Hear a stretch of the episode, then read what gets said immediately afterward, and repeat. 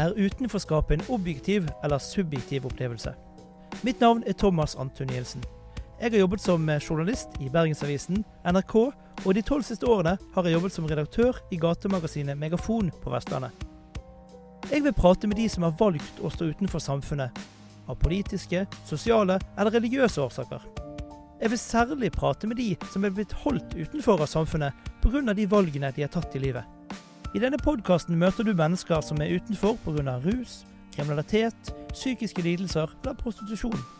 Du får også møte mennesker som følte seg utenfor i lokalmiljøet de kommer fra, fordi de hadde en annen legning, en politisk overbevisning eller en religion som ikke blir godtatt av folk flest.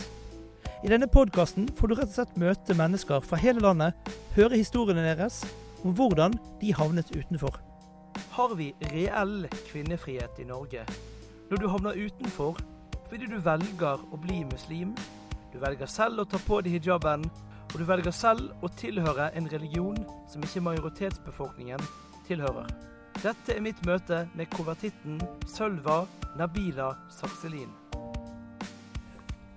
Ny, ny, uke, ny gjest. Denne gangen Sølva Nabila Sakselin. Er det, er det riktig navn? Ja. Det er viktig å... Alle viktig, sammen. Ja, det var så hyggelig. En, en narviking. Svensk narviking i Bergen opprinnelig. Ja. Hvordan er det å Når ble du bergenser? Eller har du blitt Jeg kom, jeg kom hit i 96, og eh, jeg må vel si at jeg ble vel bergenser ganske kjapt, for da måtte jeg ut og kjøpe meg regnjakke og sjøstøvler. Eh, Men jeg har bodd der siden 96. Jeg føler meg bergenser. Det er her som er hjemme. Det, det er ikke Nord-Norge. Altså jo da, Nord-Norge er jo hjemme, men Bergen er hjem. Bergen. Men du, deg har jeg gledet meg lenge til å prate med, faktisk. For det, du har gjort et aktivt valg. Du har jo konvertert til islam. Ja. Eh, fortell meg, hvordan gikk den reisen? Ja, det begynte vel Jeg var vel rundt 12-13 år når foreldrene mine ble engasjert i asylmottaket, og vi begynte å møte mennesker fra andre steder i verden. og eh, Jeg ble veldig fascinert. Altså, jeg hadde jo lært litt om islam på skolen, og sånn, og foreldrene mine fikk Koranen i gave av en pakistaner som de ironisk nok hadde invitert på julefeiring, og da kjøpte han Koranen til de på veien. Og eh, det var jo tydeligvis jeg som leste mest i, i den, da. Men uh, det begynte å fascinere meg allerede den gang. Men jeg tok ikke det aktive valget da før jeg var 18. Ifølge BA så dro jeg på fest og endte opp som muslim. Det var kanskje litt, mer, litt lengre tid imellom, men eh, jeg dro på grisefesten i russetida natt til 1. mai, og så skulle jeg dra hjem tidlig, for jeg var litt dårlig. Og så møtte jeg ei venninne på veien, og vi begynte å snakke om islam. Hun var muslim. og hun hadde en sånn utrolig takknemlighet til Gud. Og en sånn veldig ståltro på at det her var bra. Hun hadde bodd i pappkasser bak eh, eh, et sentralstasjon i Moskva før hun kom til Norge som flyktning. Og hun sa liksom bare 'alhamdulillah', altså takk Gud for at jeg er i Norge. Hun satt i en trekkfull leilighet i lille Narvik uten noe særlig somalsk nettverk eller noen ting. Men hun bare takket Gud for at alt var bedre enn Moskva, alt var bedre enn Somalia. Og den der ville jeg finne. Jeg ville liksom prøve å finne tilbake til den troen. Jeg var jo ikke sånn veldig aktiv troende, men jeg, har nå alltid hatt gudstro og sånn. Og, og, ville liksom finne tilbake litt til det der. Så da begynte jeg å lese litt mer aktivt i Koranen og begynte å prøve å forstå litt mer. Og eh, noen dager etterpå så ringte jeg også og sa jeg Khadija, jeg kan ikke vente mer, jeg må. jeg må bli muslim. Og da eh, konverterte jeg. Men uh, det er jo gjort på ti sekunder. Det er jo bare til å si trosbekjennelsen, så er du muslim. Men reisa deretter har jo vært lang for å finne meg sjøl som muslim. På en måte. Det har jo tatt år. Jeg har jo vært innom det meste. Jeg har vært mye mer konservativ enn jeg er i dag, og jeg har også vært mye mer laidback enn det jeg er i dag. Ja, ja. Så, slik jeg kjenner islam, så er jo alle utgangspunktet født, eh, født muslimer. Men så velger man, eller velger man bort å, følge på en måte profeten sitt budskap. Ja, altså Det vi mener, er jo mer at barn er født med den naturlige troen på Gud, og at det da er foreldrene som eh, oppfordrer de eller ikke oppfordrer de til å, være, altså til å tro eller ikke tro. Men at alle barn er født troende, på en måte. Men uh, det er jo litt mer sånn at har du ikke hørt om islam, så har du jo ikke hørt om det. Du kan jo ikke ta et bevisst valg før du vet om det, på en måte. Ja, for det er morsomt du sier, for i, i kristendommen så er det sikkert at du gjerne starter på en måte uten å være med i kirken. Og hvis du da, i alle fall historisk sett, ikke ble døpt, så vil du også heller ikke kunne komme inn til himmelen. Nei. Mens i islam så er det på en måte Hvis du blir født på et plass der du ikke får høre om islam, så er du det er ikke det din feil. på en måte. Nei, nei, nei da, da er du jo uten skyld, og da, det jo, da går du jo til himmelen. Og det samme med barn også, som dør før de er voksne. Eh, Uansett tro, så vil jo de barna også gå rett til himmelen. Ja. Og, og, eh, og er du muslim, så er det altså, det er ikke noe gratisbillett til himmelen uansett, for du kan jo bli straffa for det du har gjort uansett. Vi er jo ikke, noe, vi er jo ikke perfekte, vi heller, herregud. Nei. Vi har jo våre svin på skogen, bokstavelig talt. vi òg, selvfølgelig. Ja. Min store svakhet er musikk. Ja. Ikke at jeg tror at jeg kommer til å bli så veldig straffa for det, men jeg, det, noen mener at det, du skal ikke høre på musikk. Men det er Rage Against the Machines. Det er min store svakhet. Ok, Så de, de kommer til å gi deg noen timer i skjærsild på øynene opp? altså? Det kan godt hende. Ja. Jeg har sikkert eh, gjort eller ikke gjort andre ting òg, som kan få meg til å ende opp litt overalt. Jeg vet ikke. Ja, nei, Det blir jo, det blir jo spennende å se dommen en dag skal komme. og se. Det er jo fordelen med å være konvertitt. Det er jo det at den dagen du gjør trosbekjennelse, så er du tilgitt fortiden din, i hvert fall. Så den er jo grei. Men jeg var bare 18, så jeg hadde jo ikke rukket å vært så veldig gal, Nei. Nei, selv om jeg er nordlending. ja, det er jo sant. det er sant. Men, men fortell litt om den reisen. altså Fra du på en måte avgir en trosbekjennelse, til du skal fortelle samfunnet. Jeg regner med at Narvik var vel litt åpent, men ikke så åpen som kanskje andre Nei, deler av verden. Nei, jeg, jeg hadde ikke guts til å gå med hijab før jeg kom til Bergen, f.eks. Jeg hadde ikke noe ønske om å skille meg ut der hjemme. Men det har gått veldig fint i ettertid å komme hjem med hijab. Eh, litt blikk og litt sånn, men uh, min herlig naive mor, som døde for noen år siden, hun sa at nei, så jeg, når jeg klaga og sa at jeg syns folk kikker sånn på meg, så sa hun nei, det er jo fordi at du er så fin med hijab. Ja, ja Det spørs jo litt hvordan de ser på meg, da, tenkte jeg. Men uh, mamma sa alltid det. Hun var, hun var den som var mest bekymra for det med hijab. Det var det første mamma sa når jeg håper jeg, kom ut av skapet, eller ja, når jeg sto fram som muslim. Det var liksom det at du skal vel ikke gå med hijab, for det blir jo veldig synlig, og det blir jo Det, det er typisk Narvik, det der med at naboen Hva skal naboen si? sant? Ja, det er jo, jeg hadde en tidligere kar fra Lofoten Vesterålen Mm. som hadde kommet ut av skapet, som du sier. Og han også, da var det mest hva, hva ville naboene si? Ja. Det var det foreldrene opptatt Det, av. det er vel litt sånn nordnorsk fenomen, eller småplassfenomen, da, på en måte, det der med at det er litt sånn skummelt, og, og at andre ser familiehemmeligheten, liksom. Det, det er vel det. Men faren min, han var litt mer sånn Han syntes faktisk det var mye greiere. Sånn, men etter hvert så Det gikk veldig fint med mamma, det var liksom den første bekymringa. Sånn, eh, Foreldrene mine har alltid håndtert det. Jeg tror de ble litt sånn I begynnelsen så trodde de sikkert at det var bare en fase. Det, det gjorde de nok. Men eh, mamma hun hevda at hun følte vel ikke Altså det, det øyeblikket hun skjønte at jeg virkelig var inni dette, det var når jeg fikk barn noen år seinere. Og fikk mitt første barn, og hun så at jeg oppdro de som muslimer. Da fikk moren min en sånn epifani hvor hun skjønte liksom at OK, nå det her er på ordentlig, liksom. Ja. Men det er et spørsmål jeg har, og det, det kan kanskje du svare bedre på. Nettopp klesdrakten. Ja. Hva betyr den? For jeg tror veldig mange forstår ikke viktigheten og betydningen av det. Vi, vi Mm. ser på det som et Noen ser på det som et sjal, noen ser på det som kvinneundertrykkelse. Men, Mm. men hva betyr en hijab for deg? For meg så handler det om mitt personlige forhold til Gud. For meg så handler det om min praksis av min tro, og min måte å tilbe Gud på. Det handler ikke om hvorvidt det er obligatorisk eller ikke. eller noen, De fleste sier at det er obligatorisk, noen mener at det ikke er det. Jeg har venner med og uten hijab, det er ikke noe forskjell for meg. Men jeg velger å bruke det, for jeg mener at det er obligatorisk for en muslimsk kvinne å dekke seg til. Og det gir meg en sånn viss nærhet til Gud, og det gir meg også en sånn eh, følelse at jeg klarer dette, jeg har Gud på laget mitt. Jeg, jeg kan gå, i, gå over Torgallmenningen, og folk kan si hva de vil til meg, men jeg tenker at eh, whatever. Ja. Det blir meg ikke så veldig. Men uh, det er jo sånn, altså vi muslimske kvinner er jo kanskje litt mer utsatt. Jeg jo nett, var jo nettopp med på en VG-artikkel hvor vi var tre konvertitter som snakket ut om trakassering av muslimske kvinner. Og uh, hvor en mann da bekrefta at mannfolkene de går under radaren. de konvertittene, altså. Ja. Eh, sånn, fordi de ser jo bare ut som en hipster med skjegg, Ja. på en måte. Eh, I hvert fall nå når alle, menn over Ja. eh, 22 skal ha skjegg omtrent. sant? Ja, og, og det er klart at de, de kommer jo litt eh, under radaren. Jeg har jo tidligere vært gift med en norsk konvertitt, og han merka jo ingenting når han var ute alene, men derimot når vi var sammen, så kunne jo folk kikke mye mer. Liksom, og eh, for meg så var det jo den artikkelen i VG her for litt siden som det, altså, altså Kommentarfeltet etterpå bekrefta jo bare det vi snakka om. For de gikk jo kun på vårt utseende, og at man blir muslim pga. en mann, og gjerne for å få seg noe. Altså, det, det, er så, det er så absurd eh, tankegang disse brungrumse i kommentarfeltene sitter Ja. med, at det er, jo, det er jo skremmende. Men jeg klarer jo ikke å beskytte meg sjøl heller, så jeg må jo bare inn og lese. Ja.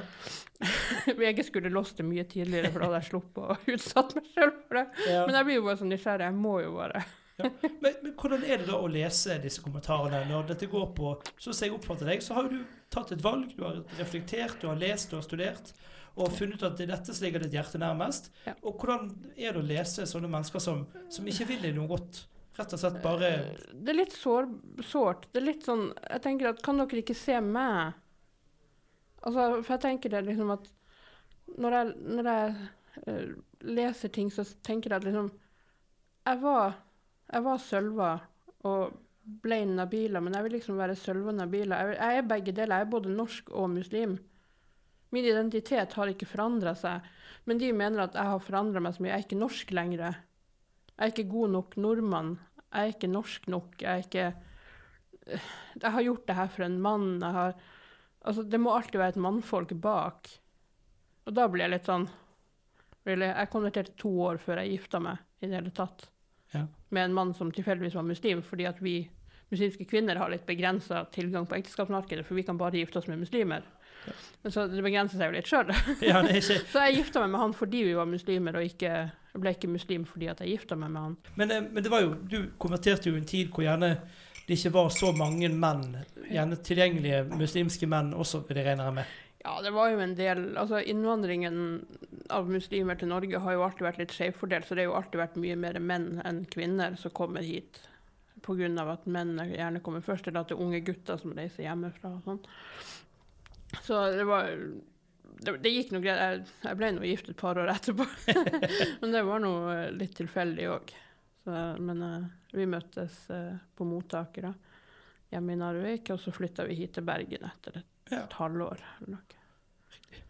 Men, men det må jo være For en ting jeg har tenkt å spørre om, det var jo dette med, med Tror du folk rett og slett føler seg litt, litt hva skal jeg si, Grunnen til at man, man og reagerer, er for at du valgte vekk det som de regner som norsk. Og de tenker liksom Hvorfor var ikke vi gode nok?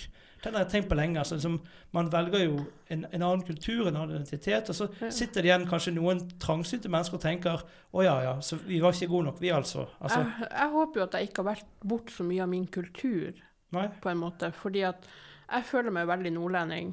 Jeg, jeg står på jobb og sparker i kopimaskiner og skriker ukvemsord til kopimaskinen på nordnorsk. Det, det gjør jeg. Og lager svenske kjøttbuller og pepperrotkjøtt om hverandre, liksom. Og sånn, for det er den svenske matkulturen jeg har med meg hjemmefra fordi det var pappa som laga mat. Fordi at hun mamma kunne ikke lage mat om det så sto om livet.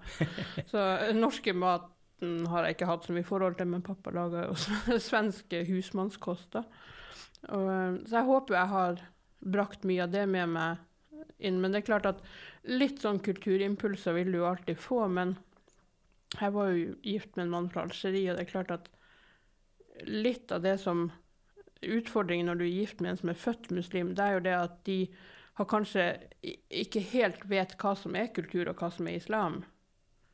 Så jeg har enda sånn rare, pussige ting jeg gjør som egentlig ikke er fra islam, men som er fra kulturen i Nord-Afrika.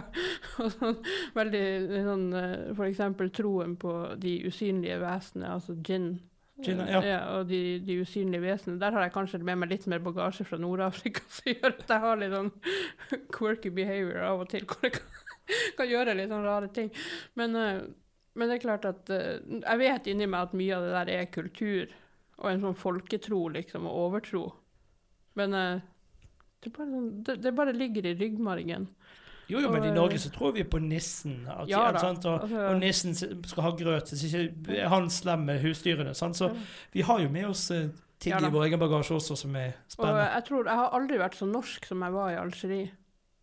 På mange måter. Da sto jeg og bakte skillingsboller gjentatte ganger. Og, og sånn, og hadde med røyka laks og pinnekjøtt og sånn. Hvordan slo skillingsboll an i Algerie? Skillingsboller var veldig populært, for de er veldig glad i kanel. De har kanel i alle kakene sine, så det kjente de igjen. Så bergenske skillingsboller, det var eh, hit. sukker og kanelkombinasjon i Algerie, Ja, altså en vinner. Så hvis noen vil starte bakeri i Algerie og lage skillingsboller, så, så har du et marked der, tror du? Ja, det tror jeg. Men, eh, men la, la oss gå litt tilbake til den, den delen der du på en måte konverterte. Hvordan var den reisen? Fra å lese Koranen som ung til å møte venninne eh, som, som Ja. var takknemlig for det lille hun fikk. Ja, nei, altså Det var jo sånn at jeg tenkte på det i omganger, og jeg diskuterte veldig mye med muslimer. For jeg var veldig opptatt av å vise at jeg skulle aldri bli muslim. Det var liksom bare Nei, og skulle jeg bli muslim, så skulle jeg i hvert fall aldri gå med hijab. Og, sånn, og da prøvde jeg liksom hele tida å diskutere. og liksom, Hvorfor tror du det du gjør? Hvorfor gjør du sånn? Hvorfor, hvorfor gidder du å be fem ganger om dagen? Altså, hva er vitsen? Og sånn. Men heldigvis, de jeg ble kjent med, de ble ikke lei av mine spørsmål, eller noen ting, så de svarte på en veldig fin og pedagogisk måte. De skjønte jo at jeg var ofte, det var jo ofte mennesker som jeg var mye yngre enn, og de hadde en veldig stor respekt for faren min eller foreldrene mine. da. Så de svarte jo ordentlig. Sånn. Men det er klart at jeg kjente jo muslimer som var av alle typer, fra de som gikk på byen og drakk, til de som satt hjemme og leste Koranen hele dagen. liksom. Og jeg fikk jo mye forskjellige svar, men så jeg måtte jo prøve å sortere alt det her. Og så var det jo sikkert litt som var kultur fra de forskjellige landene. Og så sa somaliere at nei, det der er ikke riktig, for det er bare de fra Iran som er sånn. Og det, Jugoslaver hadde jo et veldig lettvint forhold til islam, og fastet jo nesten ikke i ramadan engang. Og jeg, jeg møtte jo mye forskjellige muslimer, og da var det jo liksom det her med at jeg vet at det her er det jeg vil en dag, men jeg må finne ut mer hva er liksom islam. Men det var jo ikke så lett den gangen, for de bøkene man hadde tilgjengelig da, det var jo gjerne fagbøker fra skolen. Eh, gjerne bøker skrevet av orientalister som Edward Said og den gjengen der. liksom. Uh, Unni Vikan, ikke noe stygt om Unni Vikan, jeg har selv studert sosialantropologi her i Bergen, men, men eh, det var liksom hvor hun liksom snakker om den islamske familien i en bok som tar utgangspunkt i fattigfolk i Kairo. Ja, og det er jo interessant du nevner, for det er jo islam altså Jeg diskuterer ofte islam og sier islam skal det og det. Så jo, men hva tar du utgangspunkt i? Tar du utgangspunkt i Saudi-Arabia sin islam? Tar du utgangspunkt i Iran sin islam? Tar du utgangspunkt i Libanon sin islam? Ja. Eller tar du Indonesia sin, eller Jugoslav? Altså, det er jo, islam praktiseres jo vanvittig forskjellig. Ja, og det er, jo, det er jo det som er ofte problemet med de her kommentarfeltheltene. De, de, de gir jo IS og andre sånne bevegelser monopol på islamtolkning, for de sier jo at det er dem som har rett. Og det er vi som har feil. De erklærer jo meg nesten som ikke-muslim fordi jeg ikke gjør ditt og datt, eller fordi at jeg ikke bærer nikab, for det har de lest at IS mener at man skal gjøre. Ja. Og da er det de som har rett.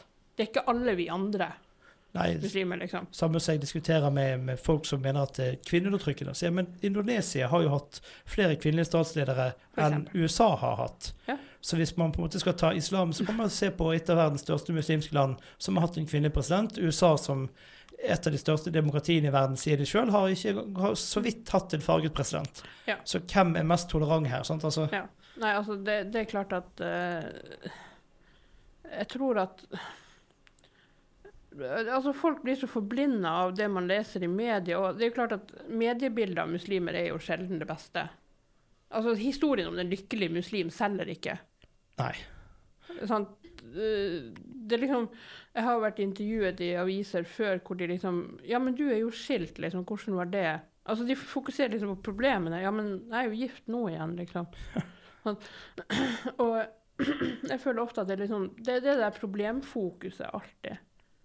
Og det, det sitter vel folk litt med òg. At de liksom fokuserer litt på at det er At vi har det så fælt, og de vil frigjøre oss, og vi skal liksom bli sånn som alle andre. Og, Ja, for det, det, Der er du inne på noe veldig Jeg har en, en liten kongstanke, eller en liten kjepphest. Men Mm. for det, jeg, er jo, jeg er jo en feminist, av, og da, da diskuterer man kvinnefrihet. Mm. Men da må også kvinner få velge selv å kunne både kle på seg og velge selv sin religion. Sier nå at nå skal vi, vi skal frigjøre deg Mm. ved at du skal bli konforms andre, i stedet for å si ja, men da, du er en kvinne, du er et selvstendig vesen, du skal få selv velge di- din egen vei.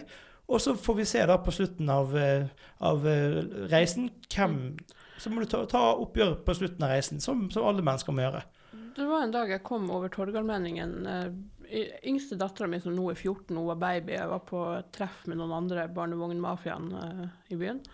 Og uh, da gikk vi over, liksom, over Torgallmenningen, så var det en brite, han hadde utprega britisk aksent, som begynte å rope til meg at jeg, nå var jeg i Norge, nå kunne jeg ta av meg den dritten jeg hadde på meg. Og Fordi Norge er et fritt land, liksom. jeg kan gjøre hva jeg vil her. Og så snudde jeg meg så sa jeg at det er nettopp derfor at jeg går kledd som jeg gjør, fordi at jeg faktisk er fri i Norge til å velge min egen klesdrakt. Ja, for der er du inne på noe veldig fascinerende. Er at du, du velger, men du velger i gåseøyne feil side. Sant? Og dermed så aksepterer ikke de valget ditt. Liksom, vi stemte på de feile partiene. Ja. Sant? Brexit nå som eh, Nå angrer de. Tenker de ops, vi gjorde feil. sant? Ja. Så det er sånn, Du skal få frihet til å velge hva du vil som selvstendig kvinne, men du må velge enten alternativ A eller alternativ A. ja. For For- B er ikke lov. Nei, for det er jo det altså, vi er jo bare hjernevaska, og vi er jo bare satt i en sånn Altså, den, tilbake til den tankegangen om at vi har gjort det her for en mann. Det må være en mann bak. Men for all del, jeg møter også den holdninga litt blant muslimer òg. Jeg, jeg møtte noen eh, her for litt siden, så jeg satt og snakket med eh, et ungt par eh, i en sammenheng. og men bare tørrpratet litt mens jeg skulle utføre en oppgave. Og eh, så spurte han eh, eh, Jeg tror han spurte hvor mannen min var fra. Så sier han at han er fra Syria. Å ja, det er jeg også, liksom. Har du vært gift lenge? Så sier han at jeg har vært gift et par måneder nå. Å ja, så du er helt ny muslim? Ja, siden 1994. Når du var liten og gikk med bleia hjemme i Syria, liksom. Ja. Og da ble det sånn Å ja, OK. Det var liksom helt sånn uh, far-fetched. Det var liksom helt sånn at jeg Det måtte, det måtte liksom være en mann. Men altså, for all del, for mange kvinner er jo det innfallsporten til å konvertere til islam. Fordi uh, islamundervisningen i skolen før uh, 1998-99 i hvert fall, når de begynte med eh, var det RLE det het den gang? Ja, KRL. Altså, det har jo hatt litt ja, forskjellige nå er det. KRL, Ja. religion, livssyn og etikk, eller noe sånt. Ja, altså- kristendom, religion, livssyn og etikk, eller noe sånt, tror jeg. Altså, Islamundervisningen har jo ikke vært så mye å skryte av. De få av oss som fikk av livssyn, hadde jo litt av det. Altså undervisning i andre religioner generelt. Hvis ikke så var det jo kun i 9. klasse at vi lærte om noe annet enn kristendommen. Ja. Og det er klart at når du på ett år skal klemme inn de fem store, så sier det seg sjøl at det blir jo lite plass til hver. ja. Nå har vi lært om kristendommen i åtte år, og nå skal vi by the way lære om eh, noen som er andre store De andre annerledestenkende. de- Ja. Ja, det var jo liksom vi og de andre. Det var jo liksom at muslimer de tror sånn og sånn, og muslimer de ber mot en stein liksom i Mekka. Liksom. Fordi, eller de tilber en stein i Mekka. Så det var jo sånn som mora mi lærte, eksempel. At, og, og denne historien som ingen helt vet hvor kommer ifra, men muligens fra noen fulle sjømenn som har vært i Egypt eller et eller annet, som påstår at muslimer går med posebukser fordi at profeten skal bli født av en mann. Den, den syns jeg er veldig, veldig artig. ja, den var litt søt. Den. Den, den syns jeg er veldig søt. Mora mi hun eh, lærte det på skolen, Å ja, såpass. ja. og hun var født i 43. Ja, men det, det er mye, mye vranglære om religion, Ja. tror jeg. Og eh, det var litt sånn Jeg har jo hørt mye artige historier opp igjennom om muslimer, det er jo klart det. Eh, Om hva vi tror på, det Men den, den steinen er vel, hvis jeg husker riktig, det er vel også en, en Man drar på pilegrims... Ja, jeg har satt ett stein. Sånn, hvert eneste år så ser du masse som går i ring og kaster stein på en stein. Så skal vi Ja. representere djevelen, og På en Ja. måte man tar avstand fra han, og, ja. og på en måte fornekter han og hans vesen. Sant? Og, og det er jo det folk ser. De ser mange folk går i Ja. ring, og så kaster de stein på en stor stein, Ja. og så tenker de oi, vet du hva. ja da, nei, altså det, det er klart at uh, Så ser Jeg skjønner jo hvordan historier kommer opp. Altså, det er jo sånn som det der med posebuksen, at det er jo sikkert en eller annen full sjømann som har misforstått et eller annet de ble forklart i Egypt eller et eller annet. Altså, noe. Altså det er jo sånn som noen f.eks. snakker om eh, i eh, USA, den er Nation of Islam, Mm. som eh, startet eh, med han Waridin Mohammed, hvor eh, amerikanske antropologer og, og sånne som har forska på det her, og religionsvitere, mener at alt er basert på en språkmisforståelse. Fordi han, eh, libaneseren som Waridin Mohammed traff, han het Allah. Altså ikke Allah, men Allah, som er et vanlig navn i Libanon. Eh, og eh, det var liksom noe med at Waridin Mohammed mente at denne personen var Gud i menneskeform. Ah. Men det har liksom alt beror på en språkmisforståelse. Det er jo en del religionsforskere i USA som mener det. Det litt, jeg har alltid vært litt fascinert av Nation of Islam Ja. eh, og lest litt om det. De har jo en veldig alternativ skapelsesberetning, f.eks. Sånn som ikke har noe med islam å gjøre i det hele tatt. Men eh, bevegelsen i seg sjøl er jo ganske eh, fascinerende. Altså, jeg har jo veldig sånn eh, veldig nært forhold til Malcolm X. Som konvertitt, selvfølgelig, så har jeg det. Eldste dattera mi er oppkalt etter han, for hans muslimske navn var Malik al-Shabazz, og datteren min heter Malika. Oh, ja. Og eh, det var et bevisst valg, fordi at jeg har et litt sånn nært for, altså sånn, lest veldig mye om Malcolm X, da. ja. Og den uh, forandringen han gjorde fra å være gettogutt som gikk inn i Nation of Islam, til å komme til Mekka på pilegrimsreisen, og hvor han da sto side om side med den hvite mann og den gule mann og alle fra hele verden, liksom, og afrikanere og alt, og skjønte at islam var større enn Nation of Islam. Og det er så utrolig rørende. Altså Selv om filmen om hans liv med Denzel Washington er jo ikke sånn kjempekorrekt, men det er noe med denne scenen når han står i Mekka og, og plutselig får denne følelsen av at Nation of Islam var feil, og at det finnes så mye mer som er islam. Og han kommer tilbake på hotellrommet, så ser du Denzel Washington sitter og ber. Altså gjør den muslimske rituelle bønnen. Uh, altså Malcolm X gjorde jo det. Og akkurat den der, altså Jeg griner like mye hver gang jeg kommer til det punktet i filmen. For det, det, det er den følelsen jeg sitter med òg, når jeg har oppdaget at islam var sannheten. Ja. Så jeg kan relatere så mye til den følelsen. Jeg trengte ikke å reise på hajj for å finne det. Jeg, jeg fant det hjemme i Narvik. Ja, og, og ikke minst det at du er en del av noe større. Du er en del av en stor Ja. enhet. Sånn, så Ja. igjen, jeg gjentar det nesten hver podkast, jeg blir nesten lei av å si det selv, men, men alle snakker om å finne sin stamme, finne sin Mm. tribe, finne sine, sin flokk. Og da Mm. har jo du funnet din flokk nå. Ja. Sant? Men eh, jeg er jo litt opptatt av å være Jeg har jo veldig lyst til å være bare helt vanlig. Altså Det er sånn som jeg sa i stad, at jeg var Sølva og ble Nabila, men jeg vil jo liksom være begge deler. Fordi Du forener de to flokkene. Ja, fordi at jeg er veldig opptatt av å være norsk muslim. Jeg er ingenting annet. Jeg er norsk, og jeg er muslim. Så jeg må nesten finne min egen vei. Altså, jeg er ikke så opptatt av om vennene mine er konvertitter eller fødte muslimer eller noe. En av mine, de menneskene jeg setter mest pris på i hele verden, hun er fra Iran. Og er et fantastisk vakkert menneske som gir meg utrolig mye når vi møtes og, og sånn. Og hun Men hun forstår meg, liksom, for hun har bodd i Norge fra hun var barn.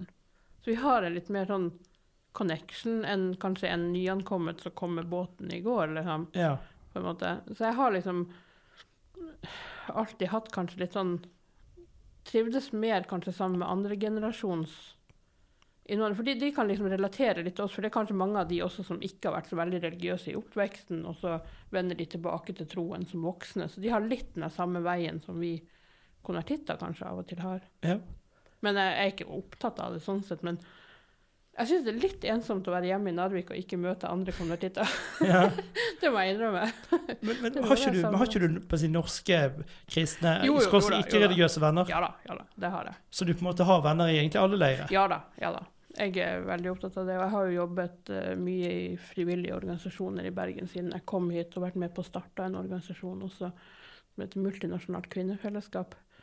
Og vi er jo både norske og innvandrerkvinner om hverandre, liksom, og sånn. Og vi prøver jo å både informere det norske samfunnet om innvandrere, eller innvandrers utfordringer, og, og sånn, men også informere innvandrere om hvordan det fungerer i det norske samfunnet.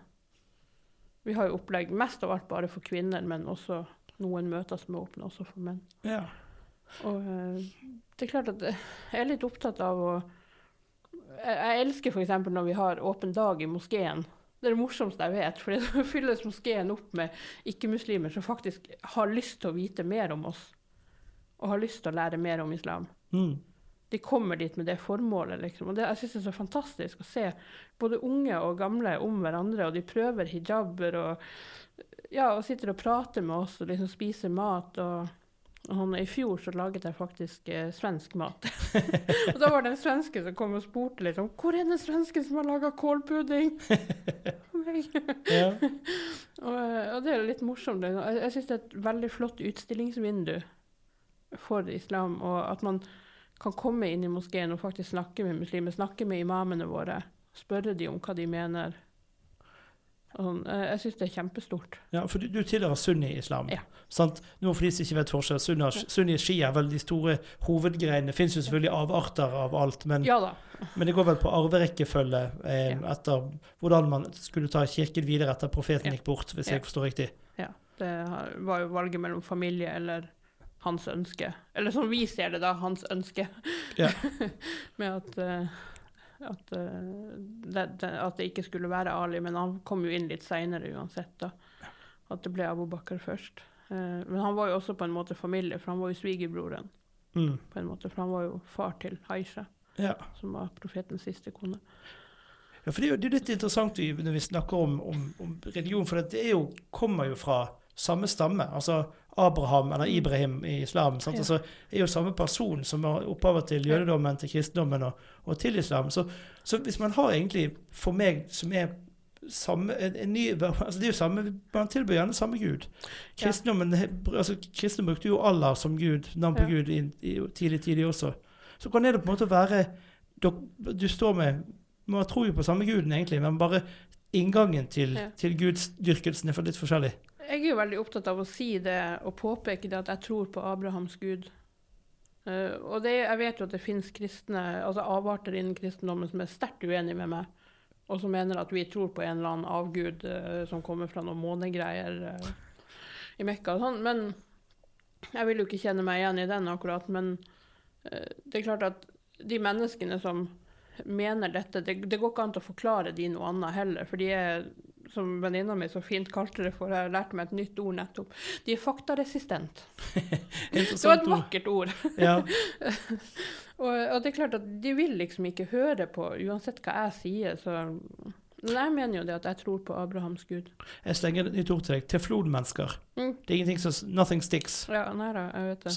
Så da er jo eh, Um, nei, altså det er helt fascinerende hvor folk kan holde fast på det, Altså, jeg hadde Dessverre så hadde jeg, som, som så mange andre i Norge, en eh, litt sånn nedlatende holdning til, til rusmisbrukere før, f.eks. Men den har snudd. Ikke bare fordi jeg jobber i Nav, jeg tror jeg begynte prosessen litt før det. Men eh, jeg har fått et helt annet syn på det. og jeg, jeg skulle ønske at folk klarte å gjøre det samme med oss muslimer. At de klarte å liksom Hvis vi sier at nei, det er ikke sånn, det er sånn, hvorfor kan de ikke høre på oss da? Nei. Det er det jeg sier, de er faktaresistente. Det er liksom, de har gjort seg opp en mening og eh, mener at nei, det har noe med den her eh, guden med de tre døtrene Ja. å gjøre. Og, og liksom det var i Mekka det begynte, og det var liksom Ja, at han egentlig ikke fornyet uh, og kom med noe nytt fordi at Jesus var liksom stempelet. Mens vi Ja. mener jo at det er profeten Mohammed som er profetenes seil. Ja. Som er den siste, liksom. Som vi kjenner til. Så, Ja. så, så jeg forstår islam, kan det godt hende det har vært flere profeter, men som ikke er kommet fram ennå. Ja, Altså, vi, uh, Sunni-islam så tror vi ikke at det har vært noen etter, for han er seglet. Okay. Uh, Men du har jo f.eks. Ahmadiyya-bevegelsen, som har en til i ettertid. Men det er liksom litt diffust for meg. Jeg har ikke lest så veldig mye om det, men jeg, jeg føler at det er litt diffust om hvorvidt de faktisk tror han var en profet eller ikke. Ja, for Jesus var, er jo en profet i islam. Ja, ja, ja. ja. Alle Så- før Mohammed, liksom, så er det jo det. Men han er den siste profeten, og dermed det er han som, hans ord som er viktigst, sånn sett. Ja, ja. Så det er jo han som lander loven, på en måte. Og for, oss, for de fleste av oss muslimer så er det jo ikke bare Koranen som er en kilde til kunnskap om islam. Vi har jo også hadith-bøkene som forteller om hvordan profeten levde, som, som vårt fremste eksempel, liksom, på Men det er klart at noen hadith er jo kanskje litt mer sånn rykter og sånn fordi de har gått igjennom veldig mange ledd, mens noen Eh, noen er jo direkte fra profeten, som bare bekrefter det som står i Koranen. Ja, for jeg lærte også en gang Jeg var jo, har vært og besøkt moskeer, og da sa jeg at det, det, er egentlig veldig få som har lest Koranen, men du har lest en fortolkning av den. For skal du lese Koranen, så må du lese den originale Koranen skrevet i det språket og kunne det språket for å fullt ut forstå Koranen. Mens yeah. leser en oversettelse, så har mennesker påvirket, og så måte så er det en bitte liten Jo, altså, det vil jo alltid være en feilmargin. Jeg har jo sjøl Er det jo mange som Jeg hører mange som liksom ikke er så veldig glad i Einar Berg sin utgave av norsk, altså Koranen på norsk, liksom, at eh, mange sier at den har feil. Og den har garantert sine feil og mangler. og uh, ord som han har brukt som er kanskje Jeg syns er litt på kanten Som i det verset hvor han forklarer hva man skal gjøre med en kvinne som Eh, velger å, å, gjøre noe imot Gud, som velger å ikke følge Guds påbud, så har han brukt å gi dem stryk. Men for meg som nordlending så er jo stryk det er jo grisebank. så det ble jo litt sånn ja, Det er ikke islam, liksom. Det, det, det, ordet som er brukt på arabisk, er jo å forstøte dem. At du skal liksom fjerne deg fra dem. Ja. Eller eventuelt eh, så er det noen som bruker haditha til et forsvar for at man kan slå med en tannkost. Ja, riktig. Eh, og det er jo i hvert fall ikke stryk. Nei. For det er liksom sånn Eh, så den har nok sine feil, men jeg har et veldig nostalgisk forhold til Einar Berg, fordi at det var den første jeg leste på norsk, liksom. Og jeg har jo lest en del engelske utgaver i seinere tid, men min sånn go-to som jeg går til når jeg skal få den feel good-følelsen, det er den, en av de svenske. Det finnes ja. to forskjellige svenske, men uh, Knut Mohammed Bernstrøm sin, han var i hvert fall muslim. Mm. Han kunne arabisk, han har oversatt direkte fra arabisk til svensk. Og ikke som Einar Berg, som har brukt en del engelske oversettelser til å støtte. For han var vel ikke så flink i arabisk, så han brukte en del engelske. Uh, og blant annet uh, de her som har et veldig sånn For noen av de engelske oversettelsene har et veldig høyt språk. Det er sånn Shakespeare-språk, og da faller jeg ut med en gang. Det kan du bare ja. drite i. Altså, det, da, bare, da er det takk og god natt for min del. Eh, det syns jeg blir vanskelig å følge med på. Så, så liksom den denne når jeg skal virkelig lese Koranen og liksom få den følelsen av at jeg er ny muslim igjen, da går jeg til den svenske. Ja, for det er jo spennende, for selv også når Det nye testamentet kom ut i ny drakt, så var jo det en del ord som var byttet ut. Dette med at mm. var Maria jomfru? Ja. Men originale ordet som jeg forsto, var at hun var en ugift kvinne. Og da mm. var det altså Det greske ordet for, for Maria Implicit. var jo ugift kvinne. Og de antok at hun var jomfru fordi at en kvinne skulle ikke ha sex for ekteskapet. Mm. Men det står ikke eksplisitt ordet jomfru Maria. Det er den ugifte kvinnen Maria. Ja. Dermed kunne, var det litt sånn kontrovers om om kunne man si at hun var jomfru, for det, det var ikke det ordet som sto i den originale teksten. Sant? Mm. Men det sto ugift kvinne. Så, så det er spennende ting vi kan diskutere i timevis. Ja, det men jeg har en, jeg har en eh, gripe fatt i en liten ting du sa helt i starten. Nemlig at du har på en måte vært både mer ekstrem, du har også vært mer eh, moderat. Mm. Altså, hvor, hvor, ekstremt var det en periode? Altså, hvor, har, hvor langt trakk du det? Jeg har gått så langt at jeg har faktisk gått med nikab. Altså dekket ansiktet og kun viste øynene i en periode. Ja, for de som ikke vet det forskjell på, på hijaben, er jo den ja. Da har du åpent fjes, du kan ja. se på en måte fjeset, men, men, du på en måte har under haken og mm. opp over øyenbrynene. Mens, mens en nikab, eh, det, da har du bare den lille, lille Lille sprekken over øynene, liksom. Ja. Knapt det. men hvorfor det, egentlig? Kan jeg lov å spørre? Nei, det var uh, iver etter å prøve mest av alt. Og så syns jeg det her var litt kult. Jeg fikk et sånn rush av altså, på en måte at troen liksom ble fornyet. sånn. Jeg var eh, midt i et samlivsbrudd, jeg hadde små barn. og eh, ja, det var liksom litt sånn, det var noe annet å tenke på kanskje der og da på en måte også. Jeg leste veldig mye om det. og uh, Noen mener jo at det er påbudt, mens andre mener jo at det er en sånn handling som er fint å gjøre fordi at du elsker Gud, på en måte. Og det var vel den jeg mest falt for, som gjorde at jeg ville prøve. Ja, for der, det, der lurer jeg på. håper du kan fortelle, for Veldig mange sier at det, dette er islam, men mange sier også at det, nei, det er kulturelt betinget. Ja. Det, så, så, hva er på en måte fasiten? Eh, Det vet, altså, jeg vet hva jeg føler er fasiten, men det vil kanskje ikke være likt for en annen. Noen vil fremdeles si at det er kulturelt, og eh, all respekt til de som mener det. Jeg mener jo det at profetens koner brukte det blant annet, og det, mange kvinner på den tiden brukte det. Så jeg tror nok at det har mer med eh, det å som, som jeg nevnte for meg, hijaben er min måte å tilbe Gud på. En del av pakken, da, med min måte å tilbe Gud på. Og for noen vil det være nikaben. Og det var det kanskje for meg akkurat i den tida òg. Men jeg valgte å ta det av etter hvert. Jeg ble gravid, og jeg gifta meg på nytt igjen og ble gravid. og Fikk ikke puste under der, og etter det så har jeg lagt den vekk. Men jeg bruker å si at jeg har en sånn liten skapnikabe inni meg som lengter litt på en måte etter den tida, men samtidig så vet jeg at jeg er, jeg er ferdig med det. Det er ikke noe jeg kommer til å ta opp igjen. Jeg er 43, jeg er altfor gammel til å begynne å, å vingle nå. Nå er det på tide å bestemme seg for retning her. Ja, nå, nå går det mer i sånn Hennes og Maurits-klær og hijab og sånn, og prøver å dekke det som kan dekkes. Men Ja. det er klart at det er jo ikke alltid vinden på Torgallmenningen er like enig med meg. Så det hender jo at jeg kommer med miniskjørt ettover eh, jeg er borte. Ja. Vinden tar tak, men eh, jeg prøver jo i hvert fall. ja, men det er jo eh, Man gjør sitt beste uansett hvor man er i verden. Ja. Men eh, vi kan kanskje begynne å runde av, men det er jo en, en siste ting jeg tar tak i. Det er dette med, med igjen, vi, vi er jo et fritt, vi er et demokratisk samfunn, men føler du at du får lov til å ta dine valg? Altså, siden du har valgt på en måte i gåsehudene annerledes. Jeg føler jo at jeg får lov til det av staten. Og jeg får lov til det av oppegående mennesker som jeg kjenner og oppriktig er glad i, og kollegaene mine og eh, jobben, altså mennesker jeg møter i jobbsammenheng og alt sånn, så føler jeg jo at jeg har lov til å ta det valget, jeg har lov til å være muslim. Men det varer jo bare helt til jeg kommer inn i et eller annet kommentarfelt på Facebook, eller annet, så ser jeg jo at jeg har faktisk ikke lov til det allikevel.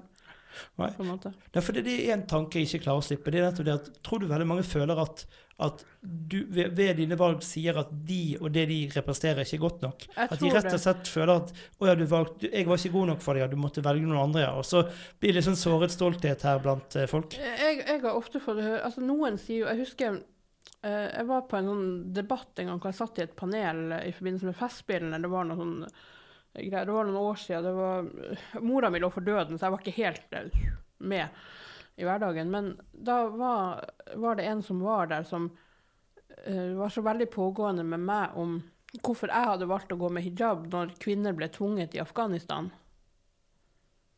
Og den der har jeg hatt litt, den der har fulgt meg litt opp gjennom årene. Da måtte jeg si det at mitt personlige forhold til Gud har jo ikke noe å gjøre med hva andre blir tvunget til, eller ikke tvunget til. Altså, skal man la være å gifte seg for at noen blir tvangsgiftet? Skal man la være å ha sex fordi at noen blir voldtatt?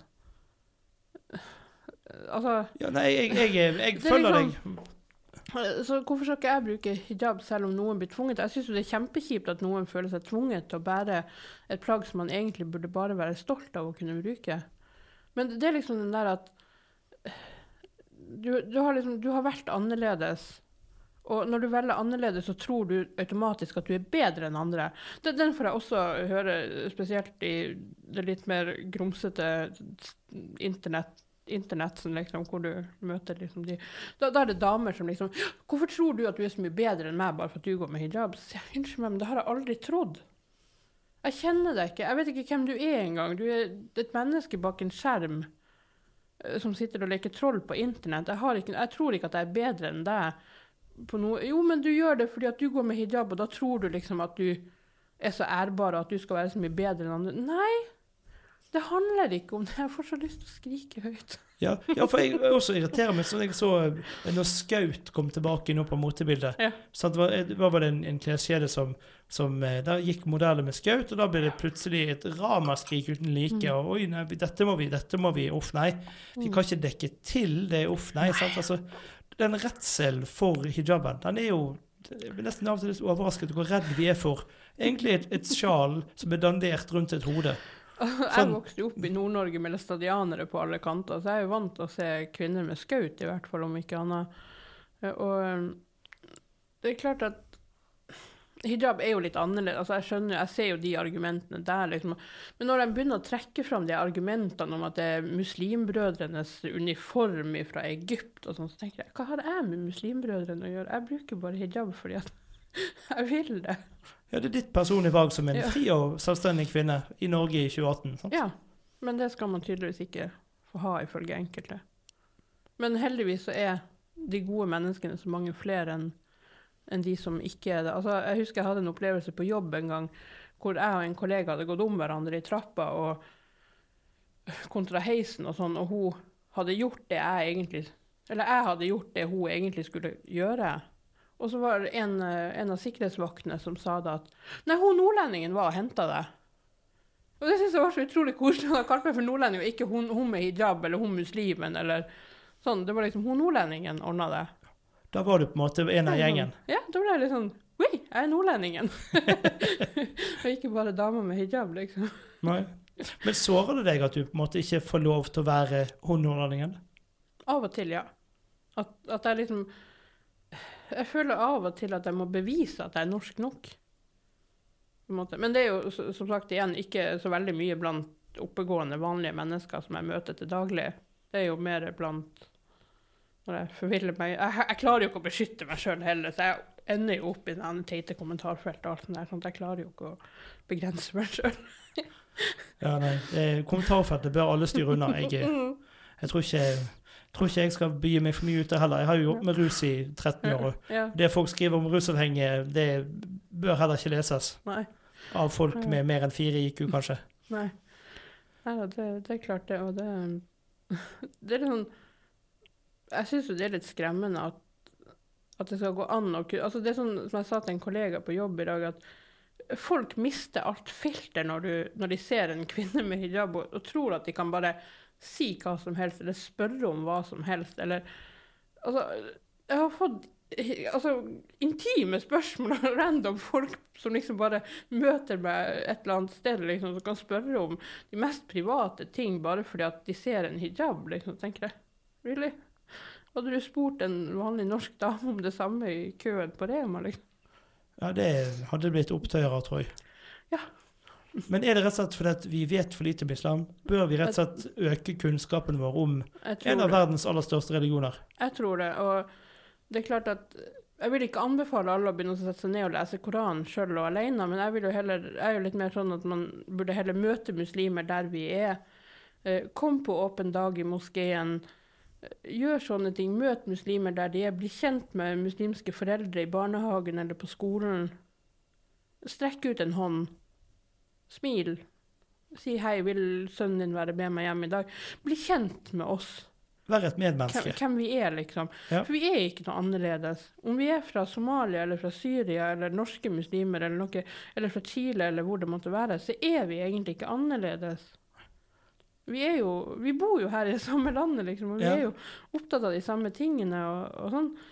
Så jeg jeg er jo veldig opptatt av at at Jeg ønsker at folk skal møte oss som, om, altså som likemenn. Ja. At det, det er ikke noe forskjell på meg og en helt vanlig annen narvikværing. Nei. På en måte, det er bare at jeg har på meg litt mer klær. Ja. Ellers er ikke jeg noe forskjellig. Altså, jeg har jo en bror som er rastafari. Ja.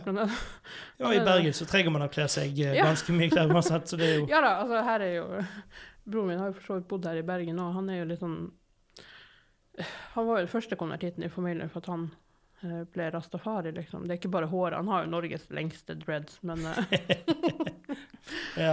det, Men det er klart at det var ikke så skummelt, det valget han tok. Nei. som mitt valg. Han er vegetarianer, men det, er liksom, det gjør ikke noe. Men jeg er kjempevanskelig som ikke spiser svin. Ja. Nei, det er sant, altså. Ja. Ja. ja. Det er et godt poeng. Men helt sånn på slutten så lurer jeg på Hvis din datter en dag sier 'Mamma, vet du hva, jeg ønsker ikke å gå med hijab', eller vil Det være- gjør de ikke. De gjør ikke det? Nei? Jeg har en datter på 20 og en på 13, og de går ikke med hijab i det hele tatt. De har aldri gjort det. Nei. Så de, du, da aksepterer du like mye deres valg til å ikke gjøre det som du ønsker et valg at Ja. du skal gå med det? Jeg har aldri prøvd å dytte dem, for jeg vet at i hvert fall med min eldste datter, så hadde hun tatt det av ned i gata. For hun, hun Eller jeg tror ikke jeg hadde fått det på henne engang. Jeg tror ikke det hadde vært lønt å prøve. For hun er verdens staeste menneske og har Hun er Hun er nesten sånn som en løvetann. Altså hun, hun er et veldig sterkt menneske som har sin egen holdning til ting og alt sånt her, og som er hun er et helt fantastisk menneske. Hun, hun, er bare helt awesome. Hun er utrolig. Og, men hun uh, er så sterk i sin vilje at hun Jeg hadde ikke fått det på henne engang om jeg så det ville.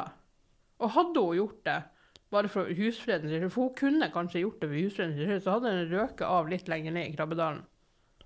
Det er jeg ikke i tvil om engang. Og da hadde det bare vært et spill for galleriet. Da er det ikke For, altså, jeg ønsker jo selvfølgelig at mine jenter skulle brukt hijab, og jeg ønsker jo at de skulle dekke seg til for Guds skyld, men det, ikke, det, har ikke vært en av mine kjepphester i oppveksten. liksom. Nei, for det, du, du, gir dem den samme friheten som du, ja, ja, du altså, fikk. Jeg er mer opptatt av at de skal bli velfungerende mennesker i det norske samfunnet og ta en utdanning. og eh, Om det er noe yrkesfag, sånn som sønnen min har valgt, eller om det er sosionom, som hun eldste har valgt, det bryr meg ikke så veldig. Men jeg, jeg ønsker mest av alt å oppdra de til å bli produktive mennesker i det norske samfunnet. Du ønsker at de skal bli Du har samme ønskene som alle, egentlig alle vi ja. som bor i Norge. har. Enten ja. du tror på islam, eller du tror på kristendommen, eller jødedommen, eller ja. buddha, eller så er, det, så er jo det samme som vi alle ønsker. At du skal få familie som har det godt. Og, og. Og, og det er klart at uh, de er begynt å bli selvstendige voksne mennesker nå, og de er 20, 19 og 14 snart. Og uh, det er klart at uh, det er ikke alltid like lett å oppdra tenåringer. Altså, det var noen som sa at det å oppdra tenåringer det er som å spikre gelé fast på veggen. Det, jo da. Ja. Jeg er like mye der som alle andre foreldre, for jeg ut, fikk utdelt unger med veldig sterk vilje, så nei. Jeg lurer på hva mine unger blir med meg og min samboer sine gener. Det skal bli en ganske energisk bokorm, tror jeg det er. vel det jeg har, eh, De to eldste mine er halvt algerere og halvt eh, nordlendinger med svensk-finsk bakgrunn, så ja, det har gått ei kule varmt hjemme hos oss, for å si det sånn. Men det er det rom til, det er det lov til. Ja. Det, det lover av temperament. Vi har det alle sammen.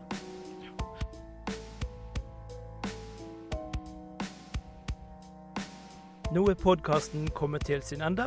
Tusen takk for at dere du hørte på hele denne podkasten. Hvis du likte det du hørte, trykk på abonner-knappen, og dermed så får du et varsel hver eneste gang det kommer en ny episode fra utenfor. Du kan også finne oss på Facebook. Der heter vi Utenfor podkast. Der får du også beskjed om det kommer en podkast, eller mer informasjon om podkasten eller det som skjer rundt utenfor. Hvis du ikke har fått tilfredsstilt din appetitt for podkaster, anbefaler jeg deg å gå inn på mainstream.as. Der får du flere podkaster direkte til din øregang.